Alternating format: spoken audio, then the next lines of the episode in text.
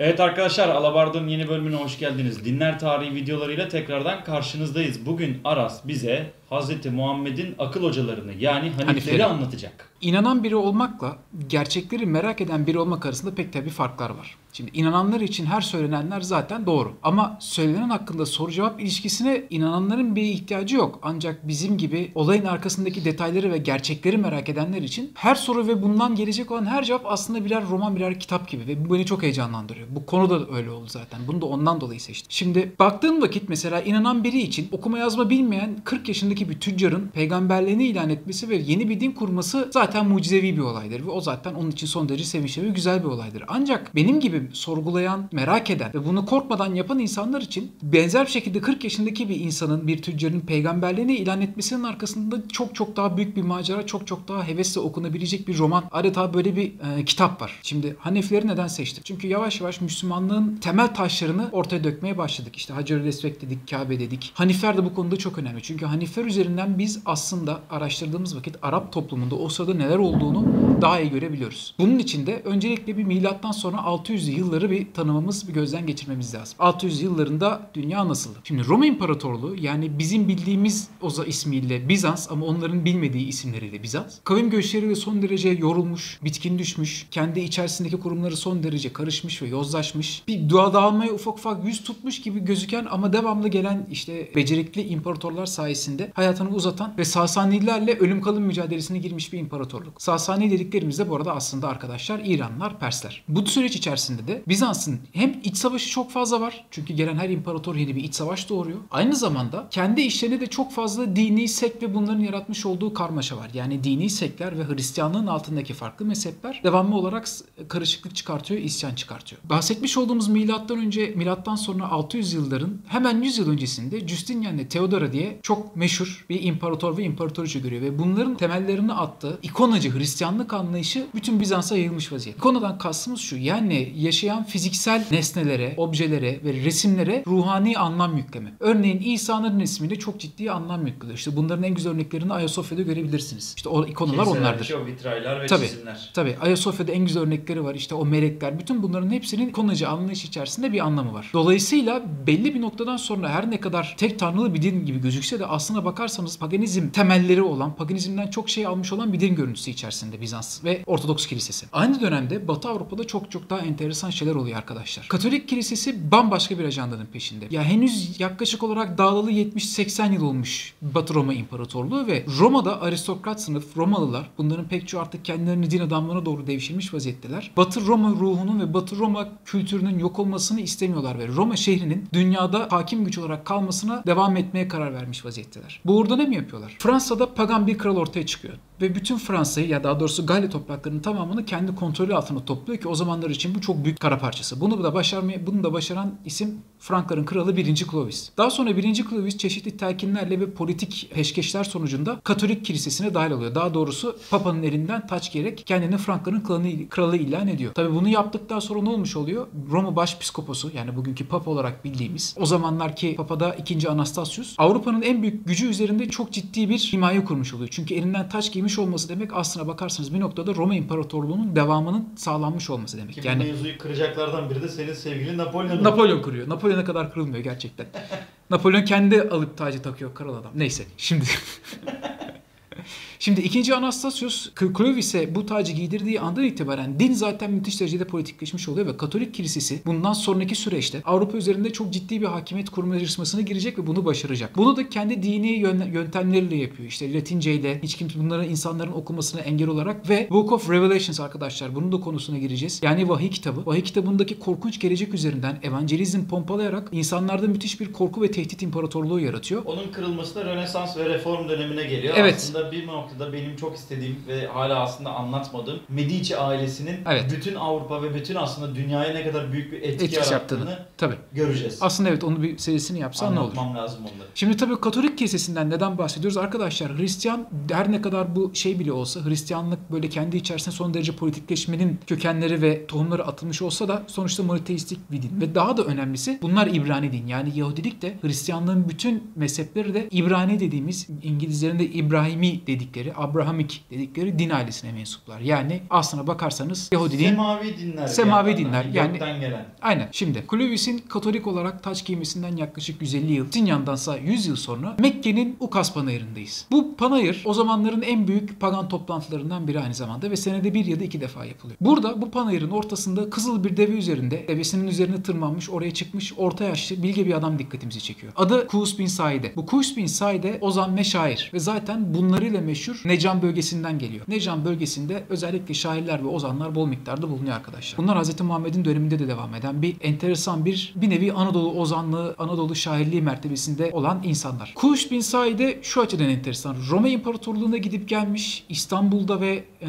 Roma'da arkadaşları bulunan buradaki entelektüellerle, din adamlarıyla, rahiplerle ilişkide bulunmuş, fikir alışverişi yapmış, son derece ileri görüşlü biri. Etrafı kendisiyle aynı düşünceye sahip dört tane arkadaşıyla sarılı. Bunların isimleri teker teker çok önemli. Bunlardan ilki Ubeydullah bin Caş, diğeri Osman bin Hüveyris, Varaka bin Nefel ve en sonunda da Zeyd bin Amr var. Hemen hemen bunların hepsi gezgit, hepsinin bir şekilde Bizans'ta ve Arabistan Yarımadası'nın dışındaki dünya ile bağlantısı olan entelektüel birikime sahip. Aynı zamanda da İbrani dininin içerisinde yer alan ama İbraniliği isteyen ama bu konuda net görüş belirtmemiş kişiler. Daha doğrusu en azından bu panayır öncesinde, Ukas panayırı sırasında bunların aslında üçü de Hristiyan olmuş vaziyetteler ama öncesinde bir İbrani din arayışı içerisindeler ve dünyaya yaptıkları gezi sırasında da çeşitli sebeplerden dolayı birbirleriyle tanışıyorlar, birbirleriyle ilişkileri var ve bu insanlar o sırada Ukas panayırında bulunuyorlar ve heyecanla Push bin Saide'nin yapmış olduğu bu konuşmayı dinliyorlar. Push bin Saide burada çok enteresan bir şey söylüyor. Kızıl Devesi'nin tepesine çıkmış söylediği şey şu. Yemin ederim ki Allah'ın indinde bir din vardır ki sizin bu gör yapmış tapmış olduğunuz dinlerin hepsinden daha sevgili bir dinidir. Ve Allah'ın gelecek bir peygamberi vardır ki gelmesi pek yakındır. Artık gölgesi başınızın üzerine geldi. Ne mutlu kimseleri ki o peygambere inat, inat edecek ve o da kendisine onu, bu insanlara hidayet edecek. Yazıklar olsun onu isyan edecek olanlara, yazıklar olsun onun yolundan gitmeyecek, ona muhalefet edecek olanlara. Hitabetinin belagatiyle tabii coştukça coşuyor ve burada çok önemli bir şey daha söylüyor. Konuşmasının devamı. Bu konuşma bu arada arkadaşlar aynen internette bulabilirsiniz. Kuys bin Saide'nin hitabe, şey, hitabesi diye. En sonunda da şöyle tamamlıyor. Her şey fanidir. Baki olan ancak tek Allah'tır. O birdir. Öncesi ve sonrası yoktur. İbadet edilecek ancak odur. Doğmamış ve doğurmamıştır. Yani lem yelit ve lem yulet. Ki bu da Kur'an-ı Kerim'in en önemli ayetlerinden biri. Lem Evet. ve lem yulet. Aynen öyle. Duman'ın şarkısı vardı ya bir de. Ama enteresan olan nokta şu arkadaşlar. Belki de onu o panelin içerisinde en büyük heyecanla dinleyen, Varaka bin Nefel'in sayesinde tanıştığı öğrencisiydi. Yani Kuş bin Saide'nin öğrencisiydi. Bu öğrencisi ki Ubeydullah bin Caş'ın baba tarafından kuzeni, aynı zamanda Osman bin Hüveyris'in anne tarafından kuzeni ve henüz daha doğmadan babasını kaybetmiş, çocukken de annesini kaybetmiş, o, sıra- o sıralarda genç olduğunu tahmin ettiğimiz, herkesten daha farklı bir bakışa sahip, daha farklı görünen bir çocuk ya da belki de bir genç. Adı da Muhammed bin Abdullah'tı arkadaşlar. Yani Hazreti Muhammed. Hz. Muhammed'in ve Hz. Ebu Bekir'in bu bahsetmiş olduğumuz beşli yani Hanif diye geçen bu bahsetmiş olduğumuz dört kişi ayrıyeten Kuys bin Saide ile birlikte o panayırda olduğunu biliyoruz. Çünkü Hz. Muhammed daha sonradan Ebu Bekir'e o hutbeyi hatırlıyor musun diye sormuştur. Ve Ebu Bekir de ezberinden bu hutbeyi okumuştur. Tabi bu noktada Ebu Bekir'in bunu ezberlemiş olması da enteresan. Çünkü genel anlamıyla kutsaliyet atfetmeyen şeyleri Araplar kolay kolay ezberlemiyorlar. Ama o zamanlarda da çok ciddi bir daha önceki Hacer-ül Esved videosundan da hatırlayacağınız gibi çok ciddi bir ozanlık ve şairlik anlayışı var. Buna çok dikkat ediyorlar. O açıdan da bakıldığında Hazreti Ebu Bekir bu hitabeti çok beğendiği için uzun bayağı hitabeti çok beğendiği için ezberlemiş olabilir. Şimdi arkadaşlar bu saymış olduğumuz dört isim Kur'an-ı Kerim'de ve diğer bütün hadislerde hanifler olarak geçiyor. Bunların özellikle dördünü ele alan da zaten bizim özellikle benim son derece fazla atıfta bulunacağım ve bundan sonraki bütün Müslümanlıkla alakalı videolarda da muhakkak başvuracağım İbni İshak'ın notları ve onun tarihi kitabı. Bunun İslam tarihiyle alakalı olan kitabı. Onun linkini daha önceden vermiştim. Bir daha veririm. Bu kişilerin bir kanaat önderliği yaptığı kesin. Bunları teker teker bir tanıyalım. Elimizdeki bulgular üzerinden de onları inceleyelim. Varaka bin Nefel bütün bunların içerisinde aslına bakarsanız dışarıdan en çok tanınan ve ateistlerin üzerinde en çok durduğu isimlerden biri. Varaka bin Nefel Hazreti Muhammed'in biricik eşi Hazreti Hatice'nin kuzeniydi. Vaktiyle Hazreti Hatice, vaktiyle Hazreti Hatice ile evlenmek istemiş, nişanlanmışlar ancak sebebini bilmediğimiz bir şeyden dolayı nişan bozulmuş. Daha sonrasında Hazreti Hatice ileriki bir yaşta Hazreti Muhammed ile evlendirileceği vakit Hazreti Muhammed'in e, o zamanlardaki velisi diyebileceğimiz Ebu Talip Hazreti Hatice'yi Varaka bin Neyfel'den istemişti. Yani Varaka bin Neyfel'in aile üzerinde böyle ciddi bir patriarklığı yani bir yöneticiliği söz konusu. Varaka bin Neyfel okuma ve yazmanın mucize olduğu bir tarihte bile birden fazla dil yazıp okuyabilen ve İncil'i ve Tevrat'ı Arap diline çeviren çeviren bölgedeki insanların çok saygı duyduğu bir rahipti. Ne rahibiydi? Nasturi rahibiydi. Arkadaşlar Varaka bin Nefer'in Nasturi rahipliği çok önemli. Nasturi rahibi olduğunu nereden biliyoruz? Oryantalist Hristiyan tarihçilerin yaptığı çıkarımlar ve yine İbni İshak'ın bize vermiş olduğu notlardan Nasturi Hristiyan olduğunu biliyoruz. Çünkü Nasturilik İstanbul vaktiyle milattan sonra yanılmıyorsam 350-400 civarlarında İstanbul baş, başpiskoposu yani İstanbul Kilisesi'nin başındaki Nasturius'un ortaya attığı bir nevi tevhide, İslam'daki tevhid inancına çok yakın olan düşünceyi savunan insanların sekte. Onların mezhebi Nasturilik. Ne diyor bu Nasturius ve Nasturilik? Hazreti İsa Tanrı değildi. Tanrı'nın başı ve sonu yoktur. Doğmaz doğamaz. Ancak Katoliklikte ve Ortodokslukta biliyorsunuz ki bu böyle değil. O işin daha kısmı. Orada kutsal tesis var, o var, bu var. O zaten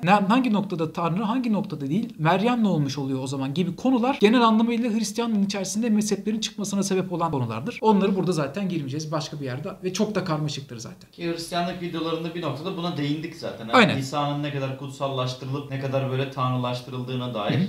Oradaki 3-4 videoda hem Yahudilik hem Hristiyanlık üzerinde aslında anlattık. Aynen. Varaka bin Nefil'in bir diğer özelliği de Hz. Muhammed'in kendisine yeni dinin peygamberi olduğu tebliğ edilmesinden hemen sonra Hira Dağı'ndan çıkıp Hatice'ye koştuktan sonra gitti gösterildiği ilk kişi. Daha doğrusu Hz. Muhammed'in Cebrail ile olan karşılaşması, orada Kur'an-ı Kerim'le ilgili ilk ayetlerin gelmesini öğrenen ikinci kişi Varaka bin Nefel. Bu şunu gösteriyor bize. Varaka bin Nefel aynı zamanda onun peygamberliğini de müjdeleyen kişi. Varaka bin Nefel bulunduğu bölgede çok önemli bir adam. Sorunları çözmede kadılık ediyor, hakimlik yapıyor. Oradaki insanlar onu bir nevi oranın adalet ve ruhani lideri olarak benimsemiş vaziyetteler. Ve unutmayın arkadaşlar İbrani bir dine mezun, e, mensup. Şimdi gelelim ikinci isme. Kus bin Said'e. Şimdi Kus bin Said'e az önce de dediğim gibi hem Bizans'ta bulunmuş hem Pers İmparatorluğu'na gitmiş, İstanbul'u Roma'ya gezmiş son derece alim, son derece bilgili bir insan. Ama bunun dışında açıkçası kaynaklarda onunla ilgili daha fazla bir şey bulamadım. Bildiğim tek şey net bir dine girmeden Hristiyanlığa daha yakın bir şekilde vefat ettiği yönünde. Ve Az önce de bahsettiğimiz gibi o ünlü hitabeyi okumuş olan kişi. Varaka bin Nefel'in de bir dönemler yoldaşı. Şimdi yoldaşlık şöyle bir şey. Yani çöl çok uzun bir yol olduğu için muhakkak bir yoldaşa ihtiyaç duyuluyor. Ve mesela diyelim Mekke'den çıkıp da işte Bizans'a, İstanbul'a oraya buraya gidilecekse eğer 4-5 kişilik insanlar, 4-5 kişilik gruplar halinde gidiyorlar. Kuş bin Said'e bu insanlardan biri. Haniflerden bir diğeri ise Ubeydullah bin Caş isimli son derece enteresan bir kişilik. Enteresan olmasının sebebi şu. İlk Müslüman olanlardan biri. Aynı zamanda Abdullah bin Caş'ın yani Hz. Muhammed'in çoğu uzun zaman yanında bulunan Abdullah'ın abisi. Yine benzer bir şekilde Hz. Muhammed'in aynı zamanda halasının oğlu yani baba tarafından kuzeni. Ubeydullah bin Caş daha sonra Müslümanlığı kabul ettikten sonra o bölgede baskılara dayanamayıp dini devam ettirebilmek amacıyla Habeşistan'a gönderilen bir avuç Müslümandan biri. Habeşistan'da o sıralarda Hristiyan bir e, kral var ancak orada amaç bir noktada bunlar İbrani dinin devamı dolayısıyla Hristiyanlığa yakınlar gözüyle bakılıp kabul ediliyorlar. Ancak e, Ubeydullah bin Caş'ın enteresan olan enteresan kılan özelliği şu. Yine çok entelektüel ve en uzun yaşayan daha doğrusu Hz. Muhammed'in peygamberliğini en uzun, en uzun süre gören e, Hanif bu olmasına rağmen e, Habeşistan'da Hristiyanlığa dönüyor arkadaşlar. Bunu dönüşürün ardındaki temel sebep de siz daha henüz uykudan yeni uyanmış gözlerinizi kırpıştırıyorken biz güneşe doğrudan bakabiliyoruz gibi enteresan bir lafı var. Yani bir noktada bu güneş güneş alegorisini kullanması, ışık gözü açışı bilmem nesi falan filan hem Hristiyanlığın daha eskiden oluşuna hem Müslümanlığın henüz kuralların oturmuş oluşuna. Yani orada bir gönderme var. Aynı zamanda da Hz. İsa'nın güneş kültüyle Sol Invictus'ta olan bağlantısına da inceden bir gönderme var. Yani yok değil. İlgimi çekti bu şeyi. Evet bayağı bir yani. Hı hı. Ubeydullah bin Caş da dediğimiz gibi yine Varaka bin Nefel'in arkadaşlarından yine bir gezgin, yine bir şair, yine entelektüel bir insan son derece. Abdullah bin Caş hakkında elimizde çok fazla bir bilgi yok yani sahabelerden olması ve yanılmıyorsam Uhud Savaşı'nda şehit olması haricinde Müslümanlığı ilk kabul edenlerden biri ve Ubeydullah'ı çevirmeye çalışıyor tekrardan Müslümanlığa başaramıyor. Şimdi gelelim en enteresan iki kişiliğe ki bunlar bana kalırsa çok önemli rol oynamış iki insan. Bir tanesi Zeyd bin Amr. Şimdi Zeyd bin Amr bölgedeki hiçbir Arap tanrısına, tanrıçısına, hiçbir puta tapmamış. Bunlardan özellikle uzak durmuş. Devamlı olarak İbrani bir din aramış. Kendisine uyan İbrani bir din aramış. Hz. Muhammed'in peygamberliğini göremeden vefat etmiş biri. Ama Hz. Muhammed'in üzerinde çok ciddi etkilerinin olduğunu şuradan anlayabiliriz. Bu tabii bir çıkarım arkadaşlar. Ee, Zeyd bin Amr bölgedeki sert dinlere karşı olan sert tutumundan dolayı mesela kurban edilmiş bir eti bile yemiyor. Diyor ki yani sen bunu işte uzağa kurban ettin ben bunu yemem. Çünkü uzağın bana bir şeyi olmaz. Bir faydası olmaz. Aksine gerçek bir din din var. O da İbrani bir din. Ben onu daha henüz bilmiyorum. Arıyorum. Onun gözünde günaha girerim diyor. Daha sonrasında bir gün dayanamayıp Kabe'de herkes tavaf ederken dayanamayıp ellerini açıp enteresan bir şekilde yakarmaya başlıyor ve diyor ki Ey, Ka- ey Kureş kabilesi beni iyi dinleyin diyor. Sizin aranızda benden daha fazla İbrani dinine mensup kimse yok diyor. Bu yönden artık dönün diyor ve orada secdeye yatıyor. Bu hareketinden sonra çok tepki çekiyor ve bir daha Mekke'ye girmesi yasaklanıyor. Bunun üzerine Zeyd bin Amr alıyor pılısını pırtısını toparlıyor ve Hira Dağı'na gidiyor. Hira Dağı'nda Hz. Muhammed'in daha sonra Cebrail ile karşılaşmasını sağlayacak olan mağaranın içerisinde tefekküre yatıyor. Şimdi tefekkür şu arkadaşlar. Din, diyanet, Allah, varoluş üzerine konuş, düşünmek, sessizliğe yatmak, bir nevi inzivaya çekilmek gibi bir şey. İşin daha da enteresan kısmı Zeyd bin Amr bunu yaparken Hz. Muhammed'in de onu devamlı olarak gençliğinde ziyarete gittiğini ve çok erken yaşta 15-16 yaşlarında bunu yapmaya başladığını biliyoruz. Zaten Hz. Muhammed'in en azından sahih dediğimiz hadislerde bu var. Kısacası ortada böyle bir tefekkür, bir dine yatış, bir tek tanrılı in- in- din inanışı var ve bu Hz. Muhammed'i çok etkilemiş. Aralarında ciddi bir felsefi ve dini bir sohbet oldu. Büyük ihtimalle. Muhtemel. Çünkü neden diye soracak olursanız arkadaşlar Hz. Muhammed'e ilk nerede geliyor vahiy? Hira Dağı'ndaki mağarada. Aynı mağarada. Tefekküre daldığı sırada ki ondan öncesinde zaten Burada devamlı çıkıyor. da çıkarılabilir gayet güzel bir şekilde aslında. Hira Dağı'ndaki mağaranın ne kadar kutsal olduğu Hı ve oradaki yoğunluğun, o meta enerjinin Aha. yoğunluğu, o Tanrı'nın hissiyatının yoğunluğunun ne kadar iyi olduğunu da görebilirsiniz. Yani peygamber olmadan da eğer oraya için temiz bir şekilde gidersen aslında demek ki bir şekilde iletişim sağlama ihtimalin var. Birincisi. ikincisi de şu bunlardan şunu çıkarabiliriz. Nasıl ki Kur'an-ı Kerim'de herkes Müslümandır. Müslümanlık öncesi de Müslümandır. Evet. Şeklinde geçer. Aslında Sadece şey değil, tebliğ edilmemiş olmalı. Evet tebliğ edilmediği bir tek mevzu ama burada şunu anlayabiliyoruz. Tebliğ edilmese bile vicdanen ve içinde o ahlakı, o hissiyatı, o duyguyu alabilen insanlar İşte var ve o insanlar artık bunu hani duyurabilecek kadar Hı hı. yoğun bir şekilde hissediyorlar. Aynen. O huzuru, o hissiyatı. Şimdi olayın dini ve ruhani açıklaması kesinlikle bu şekilde. Yani mesela Zeyd bin Amr'a da tam olarak söylediğin şekilde bakıyorlar. Hazreti Muhammed'in de bununla ilgili söylediği bir söz var. Yani o bir şeylerin yanlış olduğunu anlayacak kadar kalbi açık birisiydi. Ancak bir türlü hani benle karşılaşamadı. O sırada yoktu. Ama bundan dolayı işte on hatta Zeyd bin Amr'a olmuştur falan filan diye soruyorlar. Hazreti Muhammed'in arkadaşlar bununla ilgili açıklaması kıyamet gününde bu insanların ayrı bir kabile olarak dirileceği. Yani tamam Müslüman olamadılar ama sonuçta bunu çok yeltendiler, bunu çok istediler. Tebliğ bulamadılar ama onlar günahkar değil anlamına geliyor ki çok tepki çekmiş bir açıklamadır. Çünkü Hz. Muhammed kendi atalarının cehennemde yanacağını bir noktada söyledi ki bana kalırsa daha önceki videolarda da söylemiştik. Mekke'de bu kadar çok tepki çekmesinin temel sebebi ata, atacılığın atalarının cehennemde yanıyor olma düşüncesi. Neyse konuyu dağıtmayayım. Şimdi Zeyd bin Amr'ı söyledikten sonra bana kalırsa en enteresan kişilik. Benim en çok hoşuma giden, hikayesi hoşuma giden adam. Osman bin Hüveyris. Arapça isimler. Bu arada arkadaşlar şunu da söylemek istiyorum. Gerçekten bu isimler İngilizce kaynakları okuduğumdan dolayı son derece zorluyor. Yani Osman bin Hüveyris'in İngilizce Arapça karşılığı alakasız bir şey. Yani bayağı da zorlanıyorum. Telaffuzu da zor olabilir, Aynen. hatalar da olabilir. Gerekirse yorumlarda Size düzeltin arkadaşlar. aynen size vereceğim linklerde de bu isimlerin İngilizce isimlerini bulabilirsiniz. Onlardan devam edersiniz. Şimdi Osman bin Hüveyris'in hikayesi şundan dolayı çok il- ilginç. Kendisi aslına bakarsanız bu az önce bahsetmiş olduğum dört tane halifi bir araya getiren bunları İbrani arama konusunda yönelten insan. Zeyd bin Amr'ın kendisinin gönder bahsetmiş olduğu anısına göre bunlar bir gün yani genç yaşlarındayken daha bayağı genç yaşlarındayken yine bir pagan ritüel sırasında o pagan tanrısının kim olduğunu bilmiyoruz ama ona yapılan bir kurban ayini sırasında kendi kendilerini oradan kaçıyorlar. Bir yere gidip sözleşiyorlar ve diyorlar ki biz bu dinle bu toplum ilerlemez. Bu toplum böyle batar. Biz doğru olan dini bulmamız lazım. Tek tanrıyı bulmamız lazım. İbrani bir dine dönmemiz lazım diye kendi aralarında yemin ediyorlar. Yani aslına bakarsanız her ne kadar ekibin aklı Varaka bin Nefel olsa da esas vücut esas yönlendiren kişi Osman bin Hüveris. İki sebepten dolayı. Bir tanesi gençliği, öbürü aralarındaki yüksek ihtimalle en aristokrat, en soylu kana sahip olan kişi. Neden? Çünkü Osman bin Hüveris bir şekilde yolunu Bizans'a atıyor. İstanbul'a kadar geliyor. İstanbul'da Sezar adı verilen bölge valisi mi yoksa imparatorun ta kendisi mi bilmiyoruz ama böyle bir adamla karşılaşıyor ve ona şöyle bir teklifte bulunuyor. Diyor ki biz Arap Yarımadası'nda Hristiyanlığı yayacağız. Buradaki insanları İbrani dine döndüreceğiz. Sen de bana karşılığında asker ver. Roma İmparatorluğu gelsin Arabistan'da hüküm sürsün. Sasanileri bu bölgeden atalım diyor. Beni de tabii bu arada kral ilan edeceksin diyor. Osman bin Hüveyris'in bu sözünü de Sezar denilen kişilik kim olduğunu tam olarak bilmesek de ciddiye alıyor ve ona Roma İmparatorluğu'nun Emiri ünvanını veriyor ve geri gönderiyor. Diyor ki git Mekke'dekileri ikna et. Biz de oraya bir tane lejyon gönderelim ve senin dediğin gibi oraya ilhak edelim. Sasanilerle orada savaşalım. Çünkü dediğimiz gibi Bizans Sasanilerle çok kanlı bir savaş yürütüyor ve adama ihtiyacı var. Ve Osman bin Hüveyris de diyor ki biz zaten burada çok ciddi bir İbrani topluluk var. Bunlar hazırlar Hristiyanlığa geçiririz din uğruna savaşırız diyor. İşin enteresan noktası Mekke'deki tüccarları ve Mekke halkını bunu inandırıyor. Ancak aniden Mekke halkı geri dönüyor. Şimdi bunun iki açıklaması var. Bir tanesi neden geri döndükleri. Bir tanesi hadislerde geçen şey işte Mekke halkı asildir, usuldür bilmem nedir şey altına girmez. Boyundurluk Boyun- altına girmez. İşin gerçeği bana kalırsa Sasaniler diplerinde arkadaşlar ve Sasaniler olasılıkla bunları tehdit etti. Dediler ki hani siz böyle bir şey yaparsanız gelir biz sizi işgal ederiz. Çünkü Bizans gelene kadar Sasaniler çok çok daha yakındalar ve anında işgal etme şansına sahipler. Öbür ikinci önemli nokta da şu ki buradan şunu anlıyoruz. Osman bin Hüveyris'in bu hareketi bölgede aktif bir politik savaş olduğunu gösteriyor arkadaşlar. Bir noktada Roma yanlıları, İbraniler ve Hristiyanlıktan yana, tek tanrıdan yana olanlar, öbür tarafta Sasanilerden yana olanlar, çok tanrılı paganist dine tapanlar. Çünkü örneğin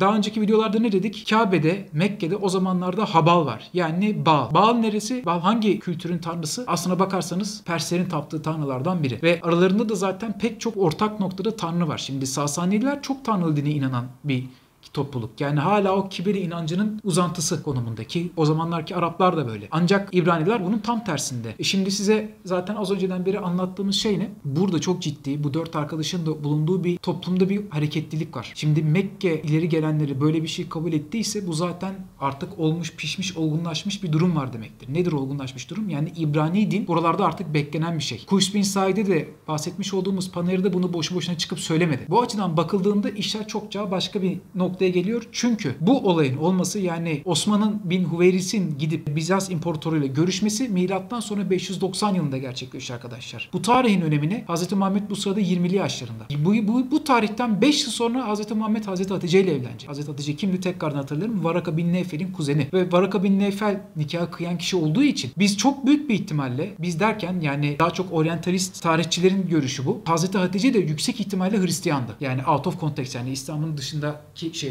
olarak ki daha sonradan Müslüman olmuş olabilirdir. Ama o noktada Varaka bin Neyfel'i kırmayarak olabilir. Ya da gerçekten bir tarafta olmasından dolayı olabilir. Var Hazreti Hatice de Müslüman, Nasturi Hristiyanı pardon. Şimdi buradan baktığımız vakit tekrardan karşımıza şöyle bir durum çıkıyor arkadaşlar ortaya. Mevcut Haniflerden dört tanesinin üçü doğrudan Hazreti Muhammed'le kan bağına sahip. Ve bir tanesi de geri kalan tek bir tanesi de zaten eşinin kuzeni. Yani Hazreti Hatice'nin kuzeni. Osman bin Hüveyris daha önceden dediğimiz gibi anne tarafından kuzeni Ubeydullah bin Caş halasının oğlu yani baba tarafından kuzeni akrabalık ilişkileri var aralarında. Aynı zamanda Zeyd bin Caş da yine benzer bir şekilde Kureş kabilesine anne tarafının büyük büyük büyük dedesinden kalma bir kuzeni. Zaten hemen hemen herkes birbiriyle Kureş kabilesinde özellikle de Haşimiler de çok yakın akrabalık ilişkileri var. Bir şekilde arkadaşlar bu insanlar birbirleriyle dirsek temasında ve böyle bir hareketin içerisindeler. Tekrardan Osman bin Hüveyris'e hemen bir akıbetine gelirsek bütün bu bahsettiğimiz olaylardan sonra ve Mekkelilerin aniden dönüşü yüzünden kendisine Patrik lakabı takılıyor ve hayatında geri kalanında Mekke'den kaçarak devam etmek zorunda kalıyor. Çünkü orada bu, bu tarz bir politik olaydan sonra kendisini yaşatmayacaklarını düşünüyor. Netekim Kuzeyde Suriye'de Gassani kralı var. Bu adam da bir nevi Sasanilerden yana ve onun tarafından zehirlenerek öldürülüyor. Kısacası Haniflerin ve bu insanların arasında Hz. Muhammed genç yaşında toplumda devrimsel niyetleri olan son derece eğitimli, bilgili kişilerin arasında bulunan, bunların arasında yetişen biri. Bu açıdan bakıldığında okuma yazma bilmiyor oluşu ne kadar gerçekçi onu da oturup düşünmemiz lazım. Ya da anca yorumda bulunabiliriz ama bana açıkçası çok gerçekçi gelmiyor. Ama zaten bu tarz devrimci insanların da yetişmesi için her zaman gerekli olan ortam böyle bir ortamdır. Onu birazdan biraz daha ince detaylı Sağlam değineceğim. entelektüel akıl hocalarının Evet. olduğu. Yani akıl hocası demekten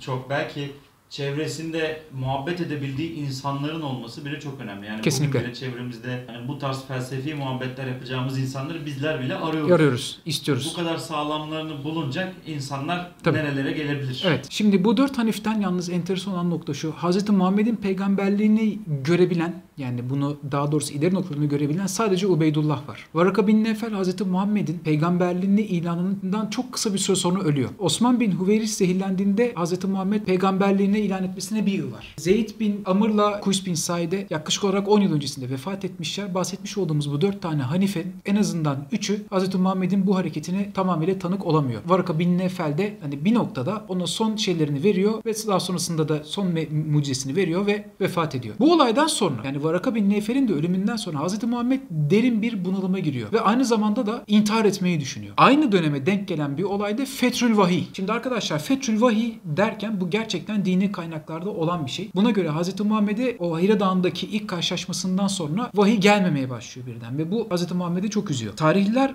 denkleştirildiği vakitte bu tarihler Varaka bin Nefer'in ölümüne denk geliyor. Şimdi ateist forumlarda sağda solda bu konuyla ilgili çok fazla zaten yazı var. Ancak burada şunu söylemek istiyorum. Özellikle ateist yazılarının içerisinde bahsetmiş olduğumuz halifelerin isimleri yanlış, olaylar da yanlış. İsimler tamamıyla yanlış. Osman bin Caş olmuş, işte Abdullah'ın yanlış olu gelmiş, ondan sonra Ubeydullah tamamen ortalıktan kaybolmuş falan filan. Yani bilmeden biraz sallamışlar. Bilmeden biraz sallamışlar ve ateistlerin ateist forumlarda tartışılan bir diğer şey de bu dört tane Hanef'in e, Hz. Muhammed'in ne kadar dininde etkili olduğu ve bunun ne kadar kural koyucusu olduğu. Şimdi arkadaşlar bu sorunun cevabını aslına bakarsanız vermiş oluyoruz. Hz. Muhammed dinini ilan ettiği noktada zaten sadece iki tanesi var ve bir tanesi henüz daha başında vefat ediyor. Ubeydullah da kısa bir süre sonra zaten kaçıyor ve Hristiyan oluyor. Dolayısıyla akıl hocalığı olması haricinde yani Hz. Muhammed'i entelektüel birikimleriyle, İncil'le ve Tevrat'ta dini konularla, dünya ile beslemeleri haricinde Müslümanlık üzerinde çok da fazla bir etkilerin olmadığını söyleyebiliriz. Çünkü yoklar, vefat etmişler ya da kaçıp gitmişler. Ve bana kalırsa Hz. Muhammed'in içerisine girmiş olduğu bunalım sadece Varaka bin Nefer'in ölümüyle alakalı değil. Beraber yola çıktığı, etrafında büyük olarak saygı duyduğu bütün akıl hocalarının ölmüş olması veya bir şekilde elinden kaçıp gitmiş bir olması. yetimin e, Zaten bir yetim. Ya muhtemelen anne baba yani baba rolü büyük bir eksikliği var zaten. Tabii. Babam gibi diyebildiği insanlar da onlar olabilirler. Bu Yanılmıyorsam sadece bir yorum bu arada. Yanılmıyorsam yine çok değer verdiği Ebu Talip de kısa bir süre içerisinde ölüyor. Yani peygamberliğinin ilanından kısa bir süre içerisinde o da vefat ediyor. Yani Utku'nun da dediği gibi hem anne baba eksikliği ve hayatında anne baba daha doğrusu baba rolüne büründürdüğü insanlar birer birer ölüyor ki zaten yaş olarak onlara göre çok küçük. Bu noktadan da bakıldığında Hz. Muhammed'in aslında şöyle bir şeyle karşı karşıya kaldığını görebiliriz. Devrim veya devrimsel nitelikler taşıyan bir hareketin birden başsız kaldığını, başında kimsenin olmadığını düşünün. Ve bu sadarı tefekkürün içerisinde zaten. Dolayısıyla burada senaryo belirleyici rolünde değiller ama Hz. Muhammed'i beslemiş olmalarından dolayı ona meşaleyi tutan kişiler bunlar. Burada dikkatimi çeken yalnız bir husus var. Arkadaşlar Kur'an-ı Kerim'in içeriğinde belli başlı ayetler dikkat çeker. Yazılımıyla, efendime söyleyeyim, kişisiyle, daha doğrusu içerisinde kullanılan şahıs ekleri diyeyim. Şimdi bunlardan bir tanesi Abese suresi. Abese suresi yüzünü ekşitti anlamına gelen ve esasında Hz. Muhammed'e bir eleştiri, bir öğüt niteliği taşıyan enteresan bir ayet. Daha doğrusu ilk 10 ayet öyle. Vahye sebep olan olay ise yaklaşık olarak şöyle gerçekleşiyor. Hz. Muhammed Kureş kabilesinden ileri gelenleri, zengin olan tüccarları toplamış, onlara bir vaaz veriyor. Yani daha doğrusu Müslümanlığa davet ediyor. Onları Müslümanlığa sokmak için konuşma yapıyor. Tam bu sırada içeri kör olmuş olan bir insan içeri giriyor. Bu insanın adı da Abdullah bir şeyler de unuttum maalesef. Kör olmasından dolayı bağırarak içerideki insanları da görmeden Ya Resulullah beni irşad et diye bağırıyor. Hz. Muhammed cevap vermiyor. Bunu 2-3 defa tekrar ediyor. Bu sefer Hz. Muhammed bu ki insanın 2-3 defa konuşmasını kesmesinden dolayı kafasını ondan yana çevirip yüzünü ekşitiyor ve bunun üzerine kendisine anında vahiy geliyor. O vahiy de Abese suresi arkadaşlar. Şöyle bir şey yaklaşık çevirisi. Huzursuz oldun ve başını çevirdin. Kör olan bir kişinin gelmesi sebebiyle yaptın bunu. Ama sen bilmezsin. Bu karşındaki kişi senden teskiye olmayı umar. Veya öğüt alır, onunla mutlu olur. Ona fayda verirsin. Halbuki sen o sırada sana ihtiyaç olduğunu emin olmadığın birini anlatmaya çalışıyordun bütün bunları. Tabi biraz uzatarak anlatıyorum ben arkadaşlar. Biraz daha tefsir gibi oldu benimki. Sen o kimseye yöneliyorsun. Onun teskiye olmamasında sana yönelik bir sorumluluk yoktur. Yani o zengin kişilerin dönmesiyle ilgili, Müslümanlığa girmesiyle ilgili sana yönelik bir sorumluluk yoktur. Halbuki sana koşarak gelen kimse o senden huşu duyuyor. Oysa sen onunla ilgilenmiyorsun tarzında enteresan sitemkar bir şeydir. Ya burada şimdi kitabın Kur'an-ı Kerim'in geri kalanıyla örtüşmeyen bir dil var ve zaten peygamberin eleştirilmesi ve bu şekilde uyarılması bir kere daha karşılaşılıyor. Aslında peygambere biraz peygamberliği öğreten bir ayet. Şimdi işte yani zaten sen peygambersin. Senden medet ummaya gelenlere başını çevirme. çevirme Sen bizim elçimizsin. Ve daha da Ve- önemlisi Yardımcı ol ve şey bir sınıf ayrımı var abi ortada. Bak bunlar zengin zaten. Bunlar döner dönmez. Ama bak öbür tarafta halktan bir adam geliyor sana. Evet. Yani bunlar tüccar. Bunlar yolunu bulur ama bak öbür taraftaki kör. O ihtiyaç, o muhtaç. Sen onlardan yanasın. Ya, muhtaçtan yana ol. Şimdi benim bakış açımdan bakıldığında sanki Hz. Muhammed'in o sırada yanında Haniflerden geriye son Ubeydullah kalmıştı. ya, Sanki yanında Ubeydullah var da bu olayı gördükten sonra kendisini hemen apar topar uyarıyor ve diyor ki Hz. Muhammedciğim bundan yana sırt çevirdin ama bizim biliyorsun ki hareketimiz herkesi kucaklayan özellikle fakir fukaranın ihtiyaç sahiplerinin yanında. Daha doğrusu çoğunluğun, halkın yanında. O yüzden bunu şimdi acilen düzelt hayatta bir daha tekrarlama. Sanki yarında böyle bir şey var gibi. Zaten daha sonrasında da Allah'ın bu uyarısından sonra dini şeylerin içerisinde Hz. Muhammed ne zaman Abdullah'ı görse ona selam veriyor. Diyor ki yani kendisinden dolayı Rabbimin beni azarladığı şahsa merhaba. Ve o Abdullah sahabelerde çok üst seviyeye ulaşıyor. O işte Hz. Muhammed yokken Me- Me- Mekke'den Medine'ye hicret ettikten sonra onun yerine namaz kıldırttığı kişi olduğu rivayet edilir. Yani bu seviyede yüksek bir sahabe olmuş oluyor. Evet arkadaşlar şimdi size bütün hanifleri teker teker anlattım. Bütün bu çerçevede Hz. Muhammed'in peygamberliğini ilan etmesi ve bu dinin aslında İbrani bir din olması